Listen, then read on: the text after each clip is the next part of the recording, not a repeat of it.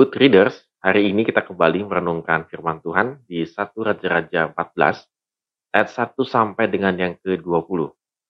Ya, saya berharap kita membaca bagian ini dengan baik. Kalau perlu post video saya lalu membuka Alkitab dan baca firman Tuhan. Karena kalau tidak sih saya rasa sih nanti takutnya tidak mendapatkan satu pemahaman yang baik gitu ya ketika kita membaca bagian ini. Kita kalau sedang dalam keadaan kepepet, apa yang kita lakukan? Mungkin kita pernah mengalami dalam kehidupan kita, kalau kita sedang dalam keadaan kepepet, misalnya nggak punya uang atau sedang sakit keras. Dan kebanyakan kalau diri kita, mungkin kalau sedang sakit yang cukup keras atau berat, maka kita sering membuat satu komitmen kecil-kecilan kepada Tuhan. Misalnya kalau saya nanti sembuh Tuhan, saya akan rajin ke gereja, memberikan persembahan, berbuat baik, dan lain sebagainya. Kita buat satu komitmen-komitmen kecil yang kita lakukan kepada Tuhan supaya berharap Tuhan akan menyembuhkan kita.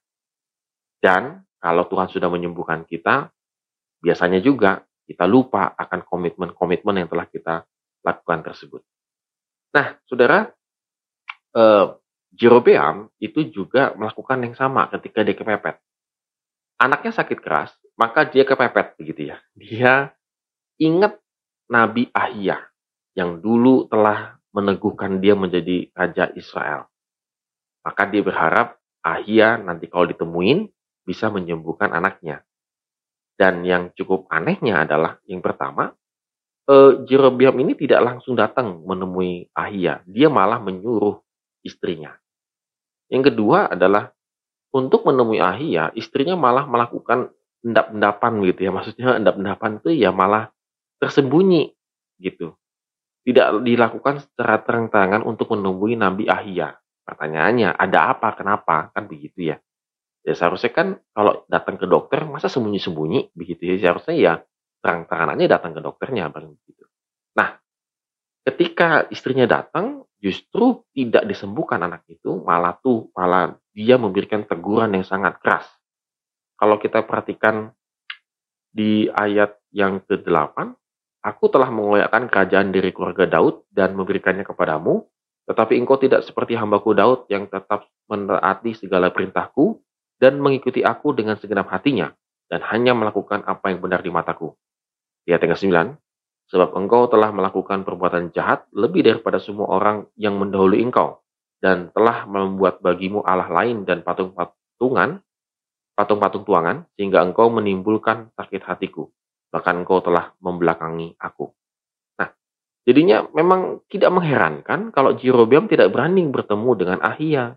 Karena dia tahu dulu dia diangkat oleh Tuhan supaya taat kepadanya, tetapi yang terjadi malah tidak taat kepada Tuhan.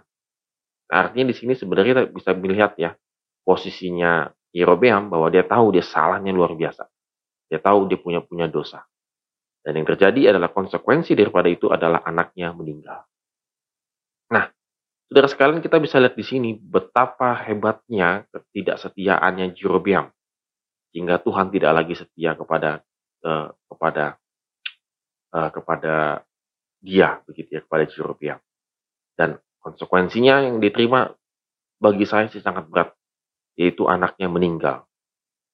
Nah, saudara sekalian kalau kita bisa renungkan dalam kehidupan kita juga ya, bukankah kita ini sama ya dengan dengan dengan Jerobeam ya. Ketika kita sedang membutuhkan sesuatu, kita ingat Tuhan begitu ya. Tetapi ketika kita ingat Tuhan dan kita berkomitmen ya untuk melakukan ya setia kepada Tuhan dan lain sebagainya dan Tuhan memberikan apa yang kita butuhkan dan kita lupa dengan komitmen kita. Dan kita pikir kalau kita lupa dengan komitmen kita, maka itu tidak berdampak apa pun dalam kehidupan kita. Saudara tidak demikian, tetap ada dampak yang sangat luar biasa dalam kehidupan kita. Dan kembali lagi kita diingatkan, apakah kita punya janji-janji kepada Tuhan? Dan kalau kita punya janji-janji kepada Tuhan, mari kita diingatkan kembali supaya kita menta mentaatinya men dan kita juga setia kepada Tuhan. Jangan kita pikir seolah-olah janji itu Tuhan akan lupakan. Tidak. Sampai di mana pun, sampai engkau kepepet, datang lagi kepada Tuhan, Tuhan akan tagih itu. Seperti yang terjadi kepada Jerobiam. Oleh karena itu, saudara sekalian, jangan sampai konsekuensi daripada janji kita sendiri yang kita ucapkan itu malah efeknya sungguh luar biasa menyakitkan dalam kehidupan kita. Mari kita renungkan firman Tuhan pada hari ini untuk menjadi kekuatan dalam kehidupan kita. Amin. Tuhan Yesus memberkati kita semua.